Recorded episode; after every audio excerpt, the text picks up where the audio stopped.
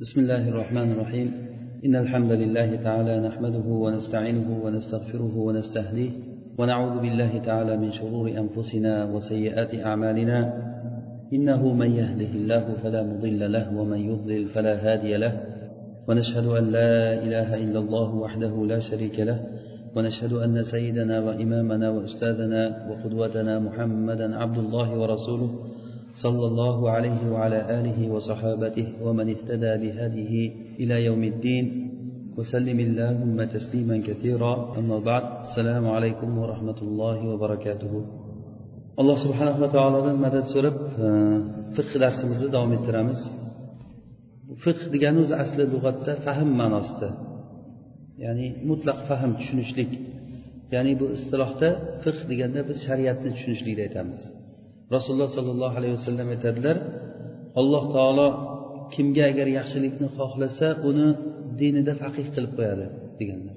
Alloh taolo hammamizni dinimizda faqihlardan qilsin. Dinida tushunchali bo'lishlik juda katta ne'mat bu. Huzayfat ibn yamon roziyallohu anhu aytganlari kabi dinidagi dinini tushungan kishi fitnaga tushmaydi dedilar. Ya'ni fitnaga tushishlikni sababi havoyi nafsga ergashishlik bo'lsa bittasi birinchisi ikkinchisi o'zi dinini tushunmaslik bo'ladi. Ya'ni ikkovsi o'zi bir biriga yaqin ma'no. Albatta kim havoyi nafsiga ergashgan bo'lsa u odam dinini yaxshi tushunmaydi o'zi odatda. Lekin asosiy sababi ko'pchilik odamlarni fitnaga uchrashligini sababi u dinini tushunmasligi bo'ladi. Biz mana shu maqsad bilan bu darsni boshladikki biz dinimizda faqih bo'laylik tushunchali bo'laylik. Alloh subhanahu va taologa bilib ibodat qilaylik. Nima deyapmiz biz? Nima qilyapmiz? Biz qayerda turibmiz o'zi? Qayerdan qayerga boryapmiz? Qaysi nuqtaga yetib keldik? Mana bu narsalarni bilishlik har bir musulmon kishini vazifasi bo'ladi. Biz o'tgan darsimizda aytib o'tdikki shariat bizlarga alloh subhanava taolo bu shariatni yuborishlik bilan bizdan nimalarnidir maqsad qilgan. Bekordan bekorga alloh taolo shariat tushirmadi.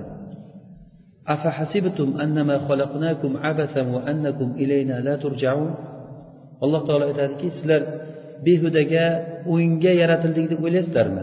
Va sizlar ollohni oldiga qaytib bormayman deb o'ylaysizlarmi? Mana bu narsa kofirlarni o'ylaydigan narsasi. Alloh taolo behudaga yaratgan degan narsa. Alloh taolo payg'ambar yubordi va bu payg'ambarga kitob tushirdi. Bu narsa shunday bir muhim narsa bo'ldiki alloh subhanava taolo qur'oni karimda buni agar o'qib qaraydigan bo'lsak nihoyat darajada bu risolatni sha'nini ulug' qilib oliy darajaga ko'targan. Negaki bu narsani judayam katta manfaati borligi uchun alloh subhanava taolo butun haloyiqni ibodat uchun yaratgan va mana shu ibodati shu shariatga amal qilishlik bilan bo'ladi. Shuning uchun agar bu bo'lmasa shariat bo'lmasa odamlar ibodat qilolmaydi. Va ibodat qilmagandan keyin bu insonlarni yaratilishligidan maqsad qilingan narsa chiqmay qoladi. Alloh taolo aytadiki men inson va jinlarni menga ibodat qilishligi uchungina yaratdim degan demak biz alloh taologa ibodat qilishlik uchun yaratilgan ekanmiz. Mana shu maqsadni yaxshi tushunib shu yo'ldan harakat qilishligimiz kerak. Imom shotibiy rahimaulloh muvaffaqat kitobida alloh taolo odamlarniga shariatni yuborilishligidan asosan katta to'rtta maqsad qilingan deb aytgan edik. Ya'ni umuman olganda alloh subhanava taolo bandalariga shariat yubordi. Mana shunda agar maqsadni bo'lsak to'rtta maqsad bo'ladi. Birinchisi shariat nima uchun keldi? Buni aytib o'tdikki nima uchun keldi? Shariat insonlarga foyda keltirishlik uchun ya'ni dunyoyu oxiratda maslahat foyda bo'lishlik uchun keldi. Va ziyonni ketkazishlik uchun keldi. Ikkinchisi shariat odamlarga tushuntirish uchun keldi. Maqsad shariatni odamlarga shariatni olib kelishlikdan maqsad odamlarga bir narsani tushuntirishlik. O'sha uchun ham alloh taolo qaysi bir ummatga bir payg'ambar yuborgan bo'lsa o'sha payg'ambar shu ummatni o'zini tilida keldi. Toki o'sha payg'ambar bu odamlarga haqni tushuntirsin yetkazsin yetib borsin deb. Ong bilan ibodat qilsin odamlar ibodat qilayotgan kishilar dinida tushunib nima nima bo'layotganligini o'zi bilib qilishligi kerak. Shariat shuni maqsad qildi va mana shundan biz katta bir qoida sifatida bir holatni sharhladikki bu shariat ummiy shariat dedik. Ya'ni ummiy deganligi nima degani? Butun ilmsiz kishilarga ham mos kelaveradi degani.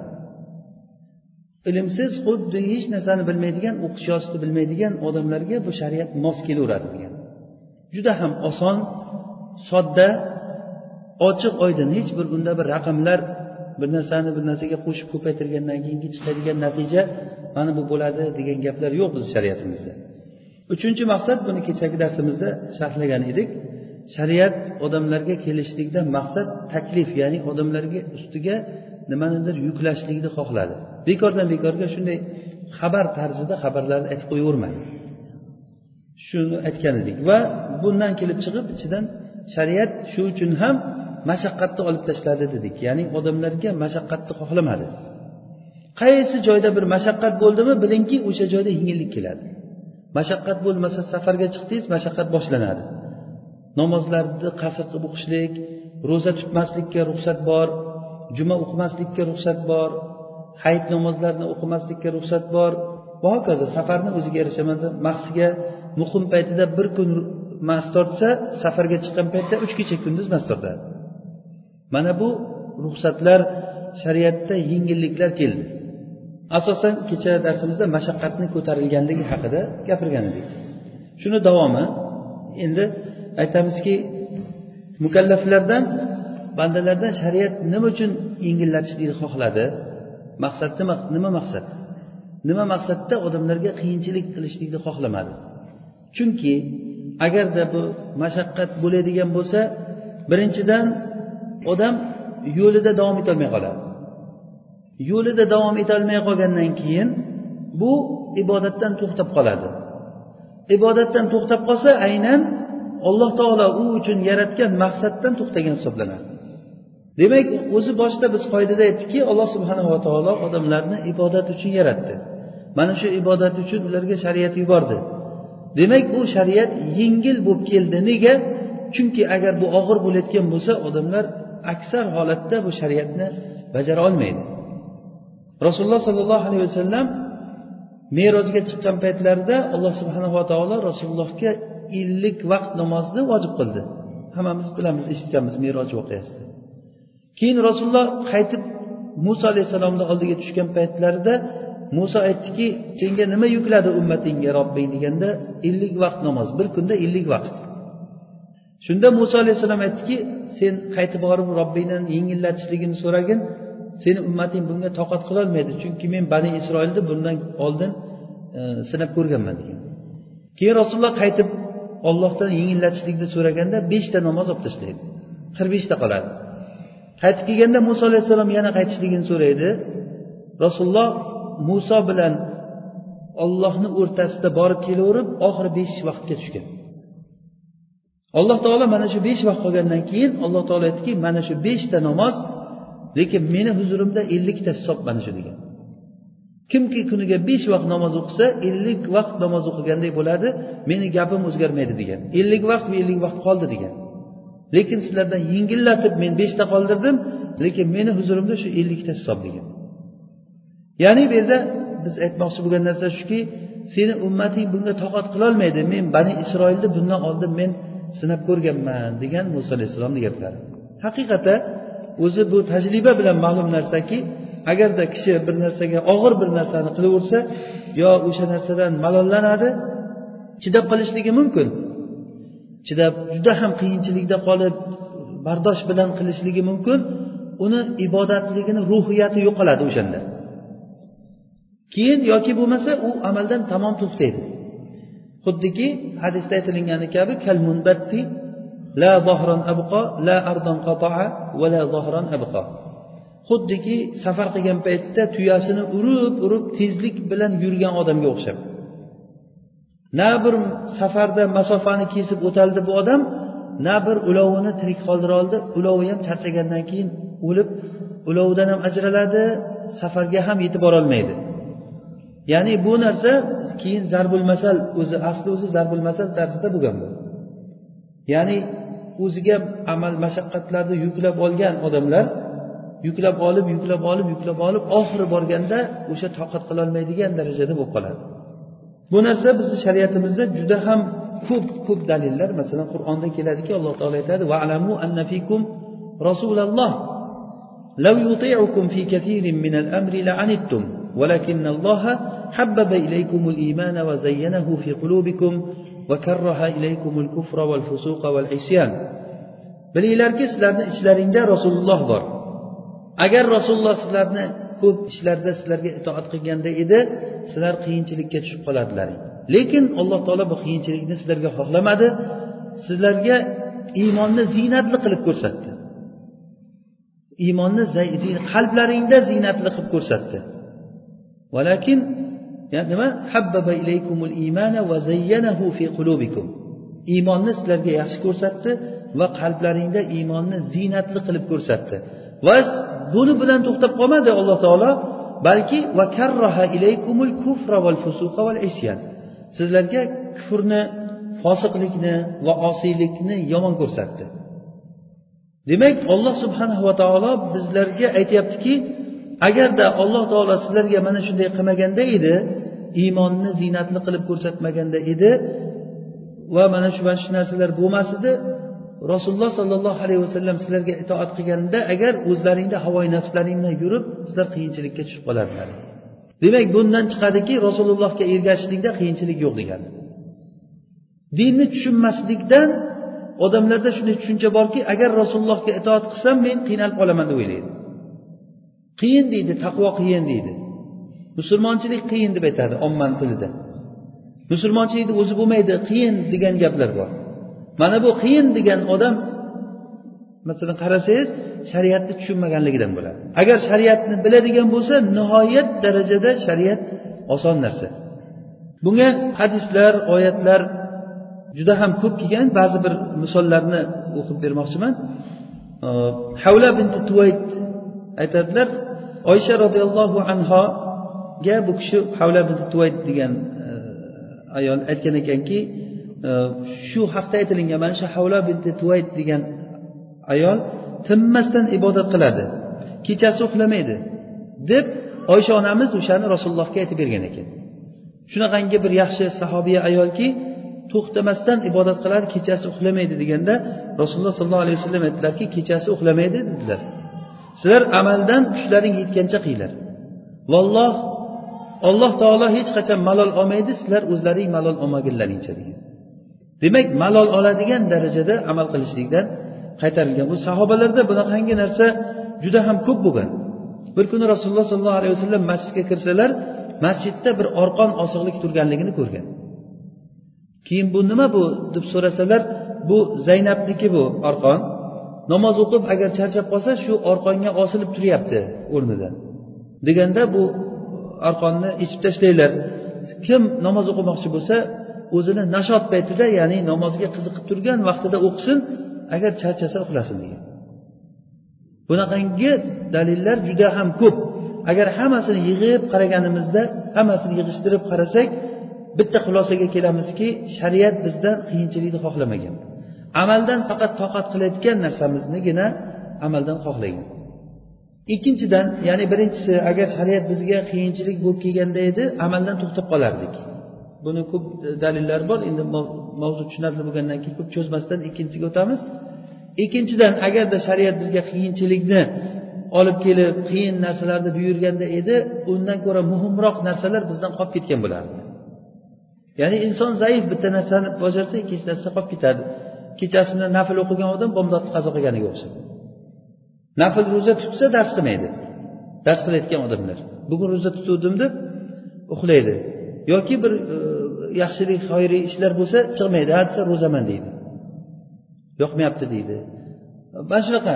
Ya'ni inson bitta amalni qilsa ikkinchisi qolib ketadi. Demak agarda shariat bizga qiyinchilikni xohlaganda edi agar muhimroq bo'lgan narsa bizdan qolib ketar edi. Shariat bu narsani xohlamadi bizdan ya'ni har bir haq egasiga haqni berishligimizni xohladi shariat. Siz o'ylamangki hech bir masalan inson hech kimga ziyoni tegmay o'tiraversa yaxshi inson bo'ladi deb o'ylamang. U ziyoni tegmay o'tirgani bilan bir odam masalan bir odam g'orga kirib ketdi. G'orga kirib ibodat qildi. O'sha g'orga kirganlarni biz maqtaganmiz masalan bir paytlar. Man besh yoshimda belim bog'lab toat qildim. Tavallo deb ro'za tutmoq odat qildim. Shu sababdan oltmish uchta yerga kirdim deb.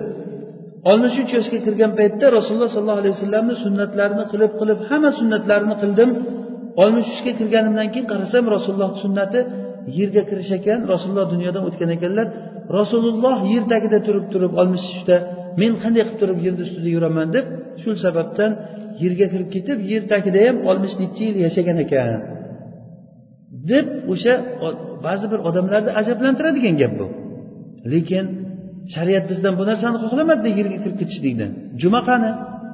Jamoat namozlari qani? Amri ma'ruf nahiy munkar qani? Oilani farzandlarni huquqlari qani bu yerda? Shariat aytmagan narsani amal qilib turib shariat aytgan narsani tashlab qo'yyapti.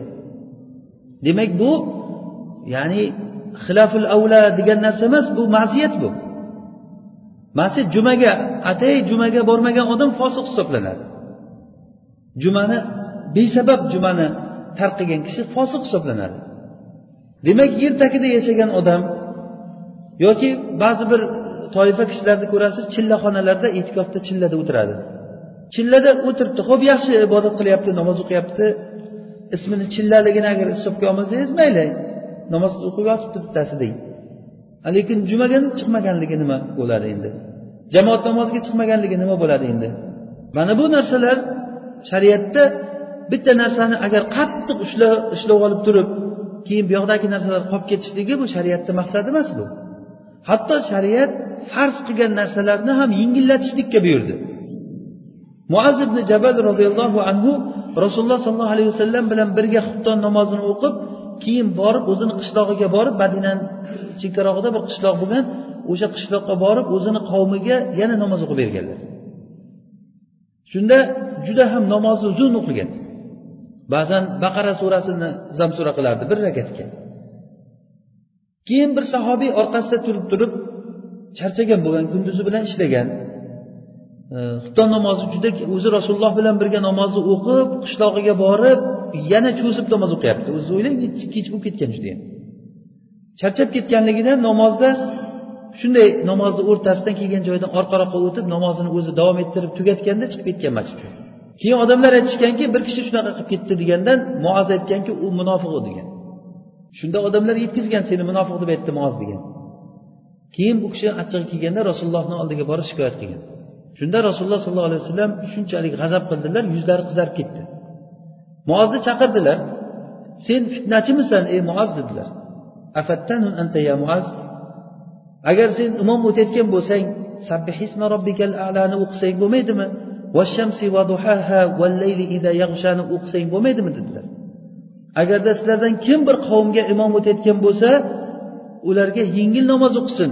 Chunki ularni ichlarida yoshi katta kishilar zaif kishilar va hojati bor odamlar bo'ladi. Rasululloh aytadilarki men namoz o'qishga turganimda namozni uzun o'qigim keladiyu lekin orqada yosh bolalarni yig'isini eshitib onasiga ichim achiydida namozni tez tugataman deganlar. Rasululloh sollallohu alayhi vasallam farz namozini hech qachon bunchalik darajada uzun o'qiganliklari kelmagan farz namozlarni imom o'tgan paytda demak mana bu shariatni maqsadi shu. Hatto farz bo'lgan ibodat. O'zi ibodatlarni eng afzali farz ibodat bo'ladi. Banda alloh taologa farz ibodatni qilishdan ko'ra ko'proq boshqa narsa bilan yaqin bo'lmaydi. Eng ollohga yaqinlashayotgan amal farz amali bo'ladi. Ana shu farz amalini qisqa qilib o'qishlikka hojatli odamlar borligi uchun yoshi katta kishilar bor e, ba'zi bir kishilarda tohrat masalan qiynalib qoladi yoshi katta bo'lgandan keyin. Yoki bir ishi zarur odamlar namoz jamoatda o'qib ketaman deb kirsa jamoat boshlansa shu bilan tugamasa. Ba'zi bir shunaqa toifalar bor hozir ham bor shunaqangi. Xuftonni sakkizda boshlasa o'n ikki o'n ikki yarimda tugatadi to'rt soat to'rt yarim soat xufton o'qiydi. Bu albatta odamlarga hatto yoshlarni o'ziga malol keladigan narsa kattalar tugul. Bizni shariatimiz buni xohlamagan. Shariatda ya'ni amaldan sizlar o'zlaring toqat qilgan narsani qilinglar deganlar. Rasululloh sollallohu alayhi vasallam. Buxoriy rahimaulloh abi juhayfadan rivoyat qiladi. Aytadilarki rasululloh sollallohu alayhi vasallam makkadan madinaga hijrat qilib kelgan paytlarida muhojir va ansorlarni o'rtasini birodarlashtirib qo'ydilar. Ya'ni muhojir bo'lib kelgan kishiga ko'p hojatlari bo'ladi u kishini hayotida. Uyi yo'q hech narsa yo'q.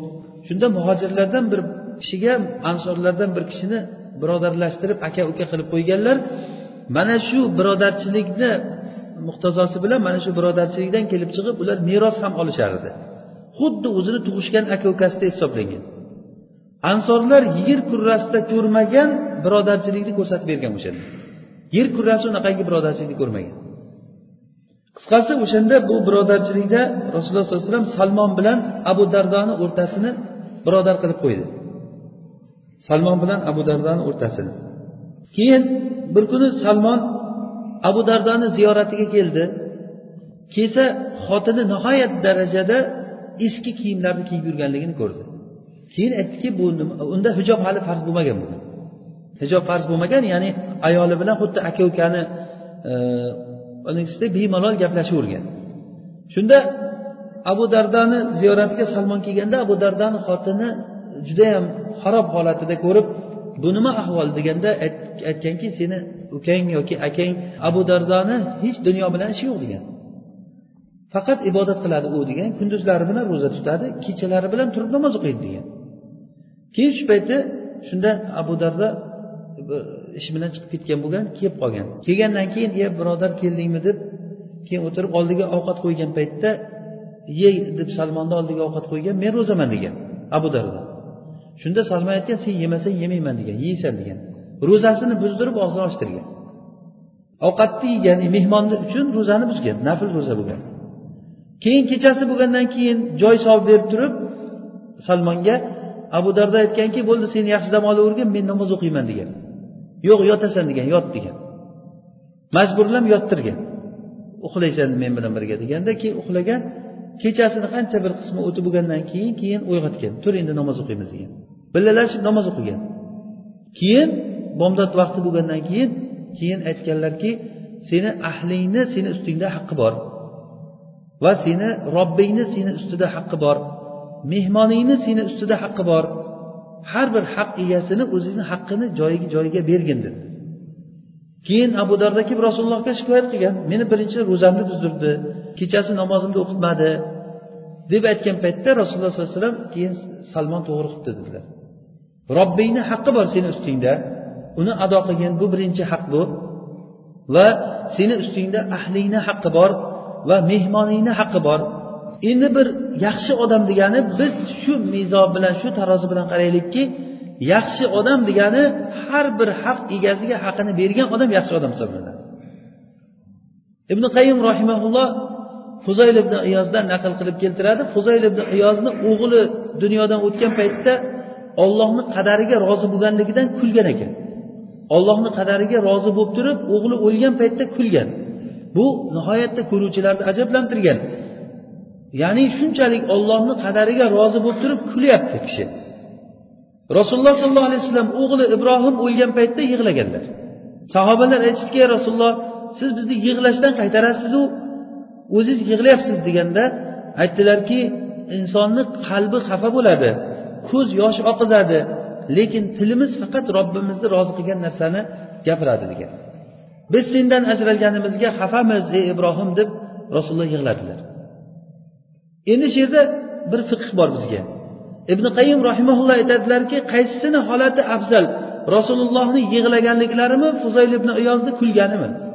Fuzayl ollohni qazosiga rozi bo'lib turib kulyapti. Rasululloh sollallohu alayhi vasallam yig'layaptilar musibat paytida. Qaysiniki afzal bu yerda? Deganda albatta rasulullohni holatlari afzal chunki rasululloh qalbni holati xafa bo'lganligini qalbga beryaptilar. Ko'zni haqqi yoz oqishlik ko'zni haqqini ham beryaptilar va tilni haqqini joyida beryaptilar haq gapni gapiryaptilar. A fuzayl bo'lsa rozi bo'lganligidan ko'zni haqqini bermayapti kulyapti. Lekin qalbi xafa baribir tashqarida inson xursand bo'lib ko'ringan bilan qalb baribir farzanddan ajralgandan keyin xafa bo'ladi.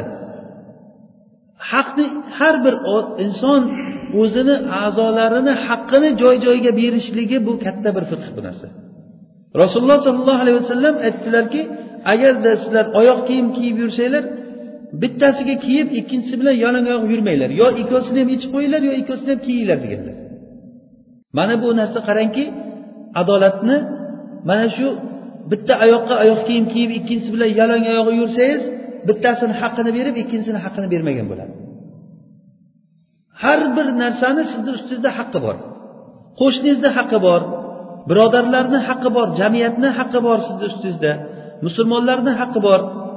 Meni hech kimga ziyonim tegmaydi deb hozir borib bir joyga g'orga kirib yotib olgan odam hech kimga ziyon tegani yo'q birovni bir tiyinini yeganim yo'q men deyishi mumkin.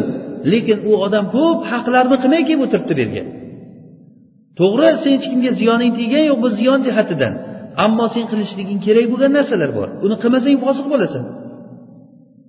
Masalan bir odam hozir cho'kib ketyapti masalan ko'zizni oldida suvda cho'kyapti yordam so'rayapti. O'shanga yordam berish berishlikka kuchi yetgan odam yordam bermasdan namoz o'qib nafl namoz o'qib o'tirsa tasbih qaytarib. Nima qilgan bo'ladi? O'sha to'g'ri ish qilgan bo'ladimi?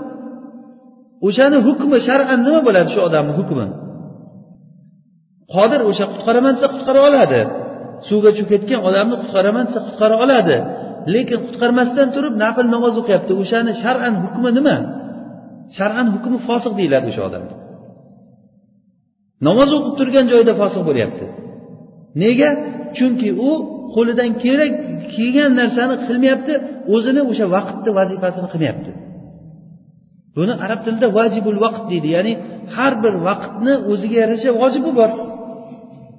Mana bu vaqtni qilish kerak. Masalan Э, aytilinadi haligi asalari boqqanlar aytadida asalari urug'idan endi ochib chiqqan paytda o'sha urug'idan endi chiqqan bolachalarini o'zini ishi bor.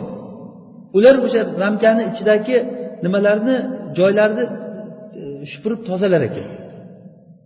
Hali ular ucholmaydi tashqariga chiqolmaydi lekin uyni ichidagi o'sha qutini ichidagi o'sha kattargan sari vojibi vazifasi oshib boraveradi. To ishchi bo'lgandan keyin keyin tashqariga chiqib xizmatga ketadi. Har bitta arini o'zini qilayotgan vazifasi bor. Demak inson ariki shunday bo'lgandan keyin chumolilarki o'zini vojibi bo'lgandan keyin insonda nega bir bekor bo'ladi vojibi bo'lmaydi? Mana bu vazifasini bilmagan odam ertalabdan kechqurungacha uxlayotgan odam balkim to'g'ri jamoatga chiqib namoz o'qib turgandir ibodatini qilib turgandir lekin uni ko'p ko'p vojiblari bor. Qancha birodarlari mana bu yoqda cho'kib ketyapti yordam so'rayapti. Yordam ber bizga deb turib cho'kib ketayotgan joyida bu odam o'shani bilib turib qo'lidan kelib turib qo'lidan kelmasa u boshqa gap o'sha qo'lidan kelmagan taqdirda ham haligi misolda aytsak bir kishi cho'kyapti bu odam namoz o'qiyapti. O'sha odam namoz o'qish o'qimasdan turib yo qutqarish kerak agar qutqara olmasa bu borib odamlarni aytib kelishi kerak. Qaranglar mana bittasi cho'kyapti deb. Aytsa odamlargadan keyin namozini o'qiversin bu. Vazifasini qilib qo'ysinda keyin namozni o'qiversin nafl namozi mana shunday bo'ladi. Nafl ibodatlar nafl ibodat juda yam yaxshi narsa. Ya'ni rasululloh sollallohu alayhi vasallam aytdilarki assolatu xayru mavdu namoz eng yaxshi qo'yilingan ibodat yaxshi narsa namoz. Lekin bu yerda o'sha har bir vaqtni har bir joyni o'zini vojibi bor har bir maqomda aytilinadigan maqol gap bor. Likulli maqomin maqol deyiladi arab tilida. Ya'ni har bir maqomni o'zini joyi bor gapi bor. To'yga borgan paytda ma'ruza qilayotgan odam musibat paytidagi oyatlarni o'qib bermaydi masalan. Yoki nikoh o'qiyotgan odam taloqni hukmlarini tushuntirib bermaydi masalan. Albatta nikohni nima o'sha vaqtni o'sha joyni vazifasi bor. Har bir odamni qiladigan vaqti vazifasi bor. Demak mana bu narsani biz shariatni maqsadini tushunadigan bo'lsak ana shunda biz o'zimizni vazifamizni qila oladigan bo'lamiz. Rasululloh sollallohu alayhi vasallamni hayotida biz uchun juda katta namunalar bor. Rasululloh uyga kirganlarida nima bilan shug'ullanardi deb so'ralinganda rasululloh uyga kirganlarida ahlini hojati bilan shug'ullanardi. Ishlarni qilardilar. Ba'zi narsalarni buzilgan narsalarni tuzatardilar. Uyni bir hojati bor bo'lgan ishlarni qilardilar. Masjidga kirsalar rasulullohdan rohib kishi bo'lmasdi. Urush maydoniga chiqqan paytda rasulullohdan ko'ra shijoatli odam bo'lmagan. Rasulullohdan ko'ra sodiq sirdosh do'st bo'lmagan. Rasulullohdan ko'ra vafodor juda ham rasulullohdan ko'ra xushmuomalalik bir turmush o'rtog'i bo'lmagan. Biz uchun rasulullohda juda katta namuna bor. Har bir odamni haqqini joy joyida bergan kishi rasululloh bo'ladi.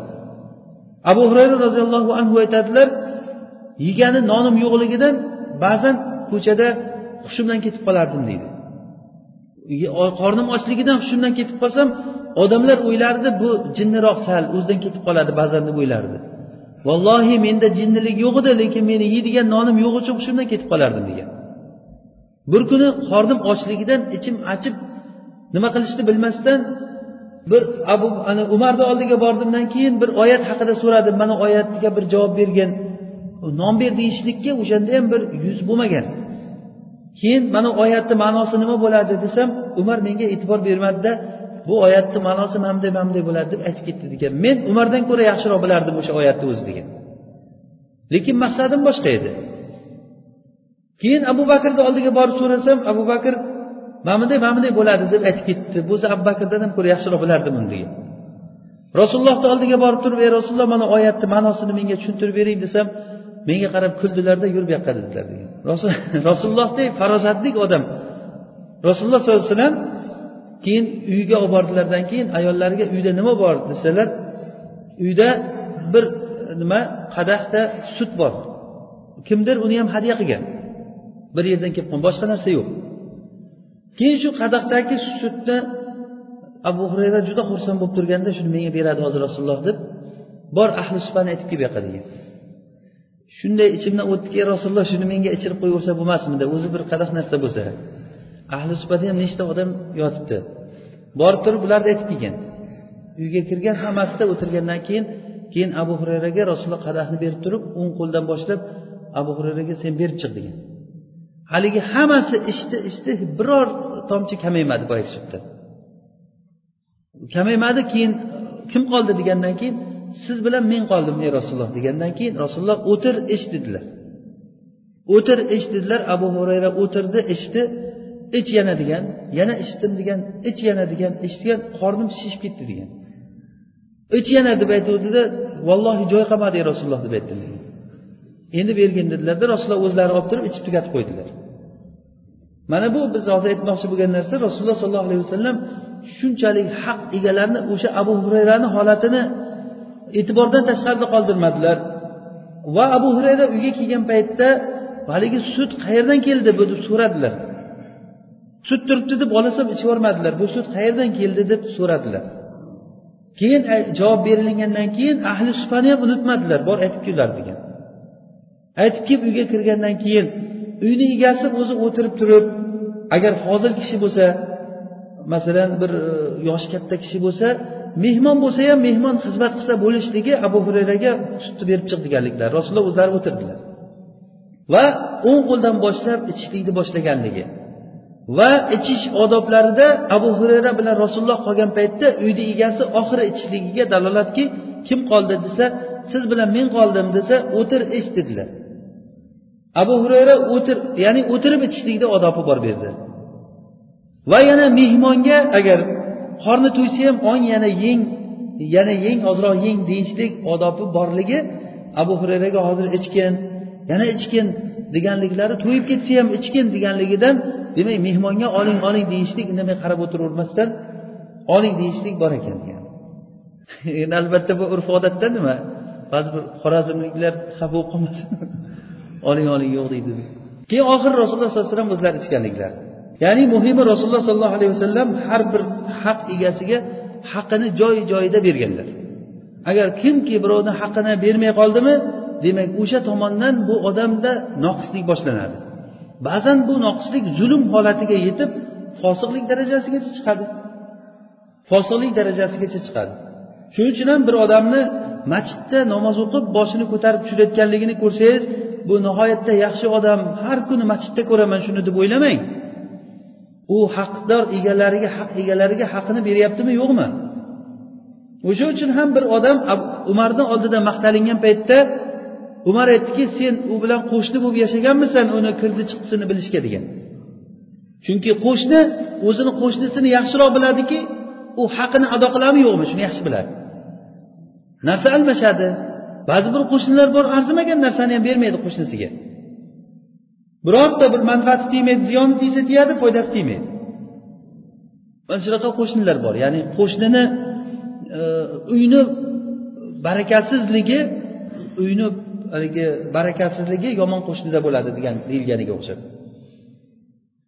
Va sen u bilan safarga chiqqanmisan uni qanaqa holatini bilishlik uchun? Safarga chiqqan odam ham uni qanaqa odamligi sinalinadi qani haqidan kechadimi?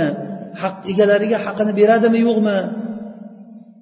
Va undan qarz oldi berdi qilganmisan uni bilishlikka deganda yo'q hech qaysini qilganim yo'q deganda bo'lmasa sen uni masjidda boshini ko'tarib tushirganligini ko'rib shunga maqtayapsan degan ya'ni umar roziyallohu anhuni farosatini u kishini ilmini qarangki bir kishiga odam uni qanaqa odam ekanligini bilishlikni uchchala yo'lini aytib qo'yyaptilar. Qo'shni bo'lib yashash yoki tijoratda bir sherik bo'lib tijorat qilishlik yoki bo'lmasa u bilan birga safar qilishlik. Mana shu holatlarda inson sinalinadi muhim hozir bizni mavzumiz nimada? Shariatda bizga shariat kelishligidan maqsad qiynalishligimizni xohlamadi. Qiynalishligimizni xohlamadi. O'sha uchun ham masalan qiyin mashaqqatli bo'lgan ishlarni qilib ollohga yaqinlashaman desangiz agar shariatni to'g'ri tushungan bo'lmaydi bu odam. Agar o'sha mashaqqat shu ishni o'zida tabiiy mashaqqat bo'lsa to'g'ri ajri ko'p bo'ladi. Masalan e, yoz kuni ro'za payti yozga to'g'ri kelib qolsa ramazon. O'sha ramazondagi tutilingan ro'zani savobi albatta ulug' bo'ladi qish paytiga to'g'ri kelgan ramazondan ko'ra. Lekin buni atayda odam o'ziga o'zi bu qiyinchilikni tug'dirib olishligi shariatni maqsadi emas. Shuni yaxshi tushunish kerak. Mana bu narsani ko'pchilik toifalar ko'pchilik shaxslar ko'pchilik toifalar bu narsani tushunmadi. Ular o'ylashdiki men qancha o'zimni o'zim qiynasam shuncha shariat mendan rozi bo'ladi deb o'yladi. Yo'q bunaqa emas. Siz o'zingizni o'zingiz qiynashligingizdan shariat sizdan rozi bo'lmaydi. Insondan shariat talab qilgan narsasi shariatda nima aytilingan bo'lsa shu aytilingan narsani aytilinganday qilib bajarsangiz o'shanda rozi bo'ladi. Bir narsani tushunaylikki bizdan shariat ko'p amal qilishligimizni xohlamadi. Takror aytaman shariat bizdan ko'p amal qilishligimizni xohlamadi. Shariat bizdan xohlagan narsa biz shariatda nima aytilingan bo'lsa aytilinganday qilishligimizni xohladi. Masalan namozni bir odam farz namozini to'rt soat o'qib odamlarga malol keltirib namoz o'qigan odam maqtalinadimi? Yo'q u odam maqtalinmaydi. Qisqa vashamsi vaduhaha vallayli ida yag'shani o'qib namozlarga yengil namoz odamlarga o'qib bergan odam maqtalinadi chunki bu odam sunnatga muvofiq ish qilyapti degani. Demak shariatni bizdan xohlagan narsasi bizni qiynalishligimizni biz o'zimizcha ibodatlarni ko'p qilishligimizni xohlagan yo'q shariat. Qanday aytilingan bo'lsa mana shuni bajarishligimiz ana shu ibodat bo'ladi. O'zi asli musulmon kishi musulmon deganligi arab tilida aslama fe'li taslim bo'ldi degani ya'ni qul degani. Biz qulligimiz bilan ya'ni qulligimiz kimga? Robbil alaminga. Ollohga bo'lgan qulligimiz bilan faxrlanamiz va shuni davo qilamiz hammamiz biz ollohni qullarimiz deymiz. Demak qul deganni ma'nosi nima degani? Qul sayyidini iznisiz hech yerga bormaydi sayyidini iznisiz hech hech narsa yemaydi sayyidini iznisiz biror joyga ketmaydi birovga bir narsa berib yubormaydi degan. Biror bir qimirlab turgan narsani to'xtatmaysiz yoki to'xtab turgan narsani qimirlatmaysiz illo sayyidingizni izni bilan qilasiz. Mana bu sayyid biz uchun robbil alamin bo'ladi. Olloh subhanava taologa qullikni davo qilgan odam ollohni shariatiga ergashmasdan qulman desa bu odam yolg'on gapirgan bo'ladi. Shuning uchun ham biz yaxshi tushunishimiz kerak. Bu narsa juda muhim narsa. Buni tushunmasdan qancha qancha odamlar masalan boya aytganimiz kabi yer tagiga kirib ketib shu bilan qancha vaqt ularni maqtab yurdik yer tagida shuncha oltmish necha yil yashagan ekan shu odam deb chillada o'tirgan odamlar chilladan chiqyapti qaysida bittasi maqtayapti. Qirq kun chillada o'tiribdi. Qirq kun. Keyin chiqsa tashqariga chiqsa hammomga yo bir hojat uchun chiqsa yuziga ro'mol yopinib chiqar ekan. Nega? Uni yuzi gunohkorlarni yuzini ko'rib qolmasligi uchun. U gunohkormi jumaga bormasdan o'tiribdi yo tashqarida tirikchilik qilib jumasini o'qib yurgan odam gunohkormi kim biladi endi uni? Jumaga bormagan odam fosiq hisoblanadi. Mana mana bu narsa qarang nimadan kelib chiqyapti? Shariatni to'g'ri tushunmasligimizdan kelib chiqyapti. Shariatni to'g'ri tushunmagan odam ollohga to'g'ri ibodat qilolmaydi ollohga ibodat qilishlik uchun yaratilindikmi? Ollohga ibodat qilish uchun yaratilgan bo'lsak ollohni bizdan nima maqsad qilganligini maqsadini tushunaylik. Ana o'shanga qarab keyin amal qilaylik. Sahobalarni rasululloh sollallohu alayhi vasallam safarda ro'za tutishdan qaytardilar. Ya'ni agarda ro'za tutayotgan bo'lsalar ular ertaga dushmanga yo'liqayotgan bo'lsa hamma charchagan horigan holatda dushmanga yo'liqadi. O'sha uchun ro'za tutmasdan kuchlarini baquvvat qilib kuchli bo'lib turib dushmanga yo'liqib g'olib bo'lganligi afzalmi? Yoki ro'za tutib nafl ro'zani tutib hamma charchagan holatda dushmanga yo'liqishligi afzalmi? Rasululloh sahobalarni ro'za tutishlikdan qaytardilar. Ya'ni bu qaytarganligi qachon nima uchun qaytardilar? Safarda qiynalib qolgan paytlarida qaytardilar ularni baquvvat turishliklari uchun. Mana bu narsalarni biz agar tushunadigan bo'lsak ana o'shanda nima uchun ro'zaga buyurgan nima uchun ro'zadan qaytarganlar buni ahvolini yaxshi bilib olamiz biz. Ho'p shu bilan hozirgi e, nimamiz tugadi? Uchinchi maqsad ya'ni shariatni eng katta maqsadlari yana takror etsak shariat nima uchun keldi bizga? Bizga maslahat uchun foyda uchun keldi. Dunyo va oxiratda foyda keltirishlik uchun keldi. Shariat bizdan xohlagan narsa shariat nimani xohladi tushuntirishlikni xohladi odamlarga. Shuning uchun ham tushunarli bo'lgan tilda gapirdi. Ollohni fazli bilan har bir ummatda alloh taoloni dinini tushuntirayotgan odamlarni alloh taolo chiqardi. Toki ularga qiyomat kunida hujjat qoyim bo'lishligi uchun bilmabmiz demasligi uchun mana buni shariat xohladiki odamlarga tushuntirishlikni va uchinchisi hozir tugatganimiz shariat odamlarga taklif ya'ni ustiga buyruqlarni yuklashlikni xohladi. To'rtinchisi bugun aytayotganimiz bu oxirgisi e, shariatni maqsad qilgan narsasi odamlar o'sha buyruqni bajarishligini xohladi. Odamlar o'sha buyruqqa bo'yinsunishligini xohladi. Bu uchun shu uchun birinchi o'rinda shariat odamlarni havoyi nafsdan ketishligini xohladi. Biz bitta narsani tushunaylik. Shariat bizdan xohlagan narsasi havoyi nafsimizdan ketishlikni xohladi. Buni dalili qur'oni sunnada to'lib ketgan. Ya'ni birinchi bo'lib aytsak alloh taolo bizni nima uchun yaratdi? Alloh taolo bizni ibodat uchun yaratdi. Men inson va jinni menga ibodat qilishligi uchun yaratdim. Ma uridu minhum mirrizqim va ma uridu an yut'imun. men ulardan rizq xohlamayman odamlardan. Ular meni taomlantirsin demayman odamlarni. Alloh taolo razzoq juda ham kuchli quvvat egasi bo'lgan zot. Demak alloh taolo bizdan ibodatni xohladimi? Ibodat qilishlik uchun inson o'zini havoyi nafsidan kechmasa bo'lmaydi. Bu yerda hozir bitta savol paydo bo'ladi. Shariat bizdan birinchi maqsadi shariat bizga nimani olib keldi nimani xohladi? Birinchi maqsad foydani xohladi dedik a dunyoyu oxiratda foydani xohladi. Havoyi nafsidan voz kechishlik bu insonlarga ziyon emasmi? Havoyi nafsdan voz kechishlik masalan bir narsani yegisi kelib turibdi shuni shariat yema deyapti yegisi kelib turgan narsani yema desa shariat qilgisi kelib turgan narsani qilma bu ishni desa demak foyda qani? O'zi biz kelishdikku boshdan. Shariat foyda uchun keldi deb. Yo'q biz foydani nima ekanligini bilib olishligimiz kerak. Foyda degani bu foyda bu shariatni nazaridagi foyda bo'lgan narsa. Bizni ko'zimiz bilan qaragan foyda emas bu.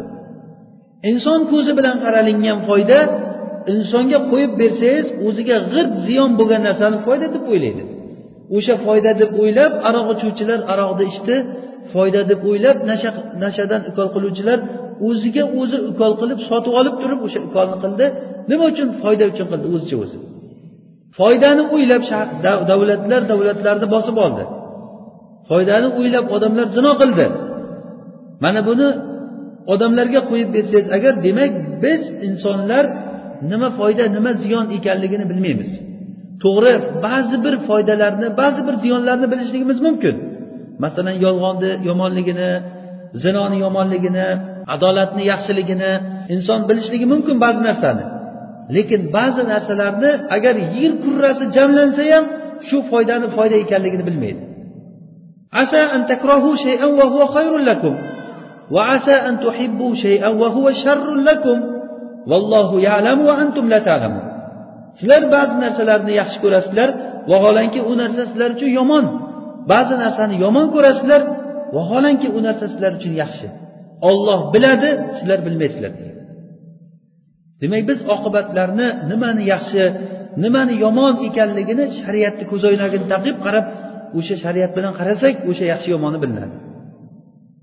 Ozroq qilinadigan lazzatni deb qancha vaqtlar do'zaxda kuyishlik yaxshimi shu narsa?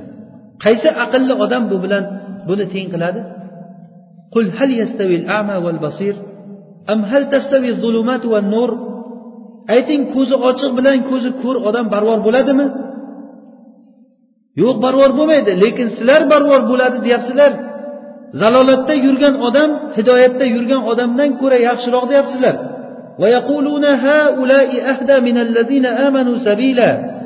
Sizlar iymon keltirmagan umrida mustahab qilmagan robbisini tanimagan odamlarni yaxshi ko'rdilaring. O'sha odamlar mana bu namoz o'qib yurgan odamlaringdan ko'ra ming marta yaxshi shular degan musulmonlarni og'zidan eshitib qolamiz mana shu gaplarni mana bu odam demak foyda ziyonni bilmaydigan yaxshi yomonni ajratolmaydigan odam degani. Demak yaxshilik va yomonlik degan narsa bu shariatni nazaridagi yaxshilik shariatni nazaridagi yomonlikni biz nazarda tutib aytyapmiz. Odamlarga manfaat bo'lgan narsa. Albatta bu shariatni nazarida manfaat deyildimi? Bilingki o'sha narsa manfaatlik mana shu narsa yaxshi deyildimi? Bilingki o'sha narsa siz uchun yaxshi. Odamlar lekin bu narsaga xohlamaydi. Nima uchun xohlamaydi? Havoyi nafsiga ergashganligi uchun xohlamaydi. Alloh taolo davud alayhissalomga aytadiki ey davud biz seni odamlarga xalifa qildik. yerda odamlar o'rtasida haq bilan olloh nozil qilgan narsa bilan hukm qilgin havoyi nafsingga ergashma havoyi nafsingga ergashadigan bo'lsang seni yo'ldan adashtiradi yo'ldan adashgan odamlar bo'lsa ularga alamli azob bor degan ya davudu inna ja'alnaka khalifatan fil ard fahkum baynahum bima anzalallohu va la tattabi'il hawa فيضلك عن سبيل الله إن الذين يضلون عن سبيل الله لهم عذاب شديد bima nasu yawmal hisab. Demak mana shu hozirgi aytgan oyatimiz bu. Havoi nafsga ergashishlik odamni adashtiradi. Demak odamlar yaxshi yomonni bilmayaptimi? Bilingki u odamlar adashgan odamlar.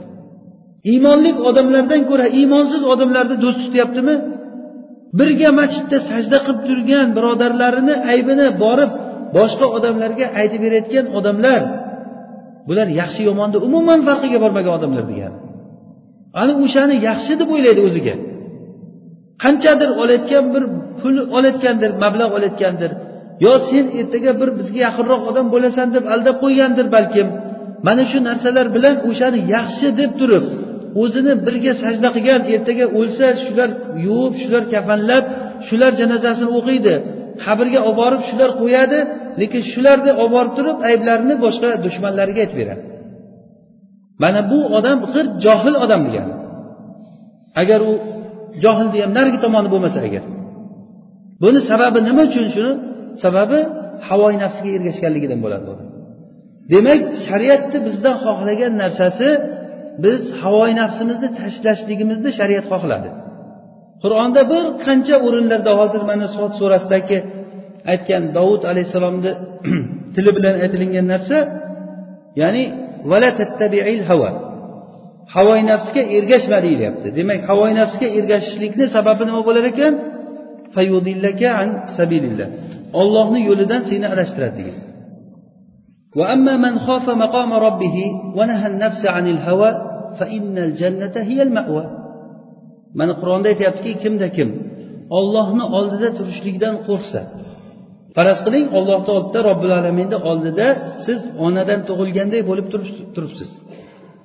Mana shu holatni tasavvur qilib agar odam o'sha holatdan qo'rqsada va o'zini nafsini havodan qaytarsa havoga ketishlikdan qaytarsa ana shunga jannat uni boradigan joyi bo'ladi.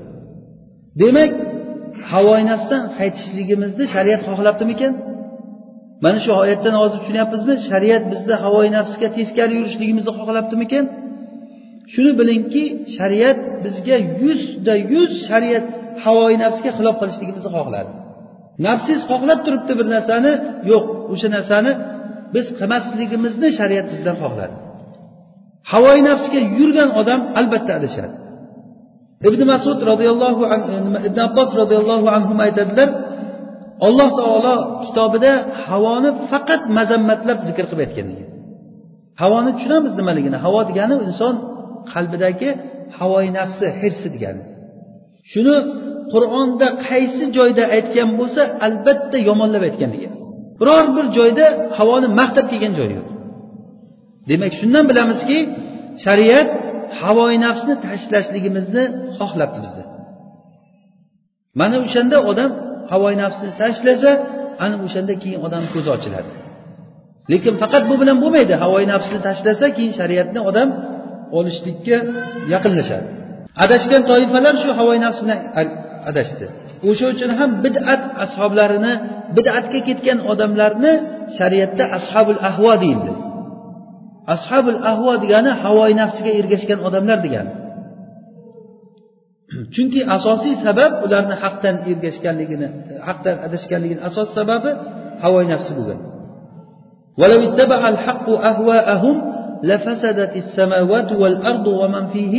mana oyatda. Agarda haq odamlarni havoyi nafsiga ergashganda edi osmonlar va yerlar va ulardagi kishilar hammasi buzilib ketgan bo'lardi odamlarni havoyi nafsiga ergashsa mana shunday bo'ladi. Endi odamlar nima qilyapti? Shariatni haq bo'lgan kitobni olloh robbil alaminni kitobini shunday olib qo'yib mana buyoqqa tamom uni olib borib masjidga olib borib qo'y deyapti. O'rtada hukm qilgan narsamizda boshqa narsa bilan hukm qilamiz o'zimiz kelishib olamiz deyapti. Mana havo. Mana bu odamlardan nima chiqadi ana endi? Bu qur'onda ochiq aytib qo'yibdi agarda agarda haq ularni havoyi nafsiga ergashganlar ergashganida edi osmonlar va yer va ulardagi narsalar hammasi vayron bo'lib ketardi. Bal ataynahum bizikrihim fahum an zikrihim mu'ridun. Biz ularga eslatmalarni zikrni olib keldik ular bo'lsa bu zikrdan yuz o'giryapti. Yoki boshqa oyatda alloh taolo aytadi jafiya surasida o'zini havoyi nafsini o'ziga iloh qilib olgan kishini ko'rdingizmi? Ya'ni ba'zi insonlar borki billah o'zini havoyi nafsini o'ziga iloh qilib ushlab olgan. Ya'ni nima havoyi nafsi nimaga buyursa shuni qiladi. Demak kim nimaga itoat qilsa o'sha itoat qilingan kishisi unga iloh bo'lishligini dalili agarda bir kishi birovga buyruq qilsa tamom shariat bilan ishi bo'lmasdan turib faqat shuni gapi gap shu o'tir desa o'tiraman tur desa turaman shu menga shariat desa demak mana shu narsa unga iloh deb atalsa bo'ladi. Mana qur'onda aytyaptiki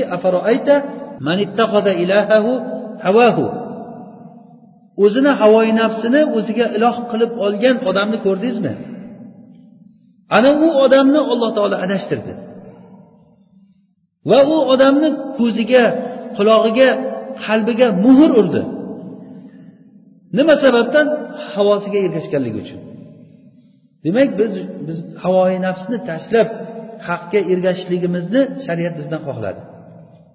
Ba'zi bir bu yerda bir e, havoyi nafsni tashlashlik to'g'risidagi bir misollar bor. Odamlardan shunday kishilar bor ekanki havoyi nafsidan shunchalik kechganligidan ya'ni o'zini xohishidan havoyi nafsidan kechganligidan o'zini qo'lidagi pulida xuddiki odamlarni boshqa bir begona odamlar bilan o'zini teng qilib qolgan shu pulda. Bundan ham ko'ra ustunrog'i ba'zi odamlar o'zi esdan chiqib ketib qolgan. Oysha roziyallohu anhodan naql qilinadi. Bir kuni ibn zubayr oysha roziyallohu anhoga e, bir yuz sakson ming keladigan pul berib yuborgan ekan. Bir yuz sakson ming keladigan pul berib yuborganda keyin o'sha paytda ro'za bo'lgan ekan u kishi. O'rnlaridan turib haligi bir yuz sakson ming dirhamni bir tovoq olib turib faqirlarni chaqirib kel degan ekan joriyasiga. Keyin shu bilan o'lchab berib berib berib bir dirham olib qolmagan ekan. Kechqurun bo'lganda biron narsang bormi olib kel iftor qilamiz deganda o'zingiz bir dirham ham olib qolmadingiz bir go'sht sotib olib turib iftor qilardik deganda eslatmabsanda o'zimizni degan ekan. Ya'ni havoyi nafsdan kechganligidan o'zi esdan chiqib ketib qolgan. Mana bu oysha roziyallohu anhoni qilgan ishlari rasululloh sollallohu alayhi vasallam shunday ummatni tarbiyaladilarki rasulullohga yaqin bo'lgan kishilar abu bakrni oling umarni oling usmonni oling alini oling oysha roziyallohu anhu hozirgi rasulullohga kim eng yaqin bo'lgan bo'lsa ana o'sha odamlar zohid odamlar bo'lgan. Tamomiy darajada dunyodan yuz o'girgan odamlar bo'lgan. Bir kuni oysha roziyallohu anhoni uyida bitta kulchasi bor ekan shuni iftor qilamiz deb olib qo'ygan. Iftor vaqti yaqinlashib qolayotgan payti bo'lgan. O'zi qorni och ana shu paytda bir tilamchi kelib turib turib ovqat so'ragan. Keyin xizmatchisiga aytgan ekanki berib yubor boyagi nonni degan ekan. O'zimizchi degan. Ish yemasin o'zimiz bilan berib yubor degan. O'shanda haligi nonni shunga berib yuborgan ekan. Keyin iftor paytiga sal yaqin qolgan paytda rasulullohni sahobalaridan biri oysha onamizga bitta qo'yni kafani bilan olib kelib bergan ekan. Ya'ni qo'yni kafani bilan degani arab tilida o'sha kafan deb atayotgan narsasi qo'yni so'yib qo'yni so'yib terisini shilib bo'lgandan keyin xamir qilib turib xamirni qo'yni ustiga yopishtirib chiqar ekanda hamma joyini o'sha turishda pishirar ekan keyin. Haligi qo'ydan chiqqan yog'i bilan haligi xamirga yog'i o'tib shu turishda pishar ekan. Mana bu shunday olib kelib bersa qo'yni kafani bilan olib keldi degan gap shu ekan. Qo'yni kafani bilan olib kelib berdi. haligi xizmatchisini chaqirib turib mana buni yegin bitta kulcha nondan ko'ra mana bu yaxshi degan ekan. Ya'ni alloh taolo o'zi rizqni beruvchi zot. Qayda odamni rizqi nima bo'lsa shuni yeydi. Lekin hozir bu yerda aytmoqchi bo'lgan misolimiz shuki ya'ni o'zini molida o'zini molida o'zini shu musulmonlarga teng sherik deb o'ylagan odamlar bor. Ba'zi bir odamlar o'zini molida xuddiki qo'lidagi molida yetimni moliga qarovchiday o'zini e, o'sha o'ringa qo'ygan. Ya'ni yetimni moliga qarovchi odam qanday ish tutadi? Yetimni moli buni ozroq sharhlashimiz kerak menimcha. Yetimni moli degani masalan bir kishi o'lib ketishligida yosh bolalari bo'lsa haligi o'zidan qolayotgan merosni bir kishiga beradiki mana shu pulni sen yaxshilik bilan ko'paytirib yaxshilik bilan qarab bolalarimga shundan nafaqa qilib turasan deb berib ketadi mana bu o'sha yetimni moliga qarovchi odam degani. Bu odam haligi pul qo'liga tushgandan keyin uni vojibi omonat bilan mana shu puldan yetimlarga nima hojati bo'lsa o'shandan olib olib e, ishlatish kerak yetimlarni o'zigada. Agar o'zi kambag'al bo'lsa shundan o'zi ham yeyishligi mumkin. Ya'ni e, yetimlarni molini yemanglar degan oyat tushgan paytda yetimlarni molini gunoh yo'l bilan yemanglar degan oyat tushganda sahobalar juda qiyinchilikka tushib qolgan.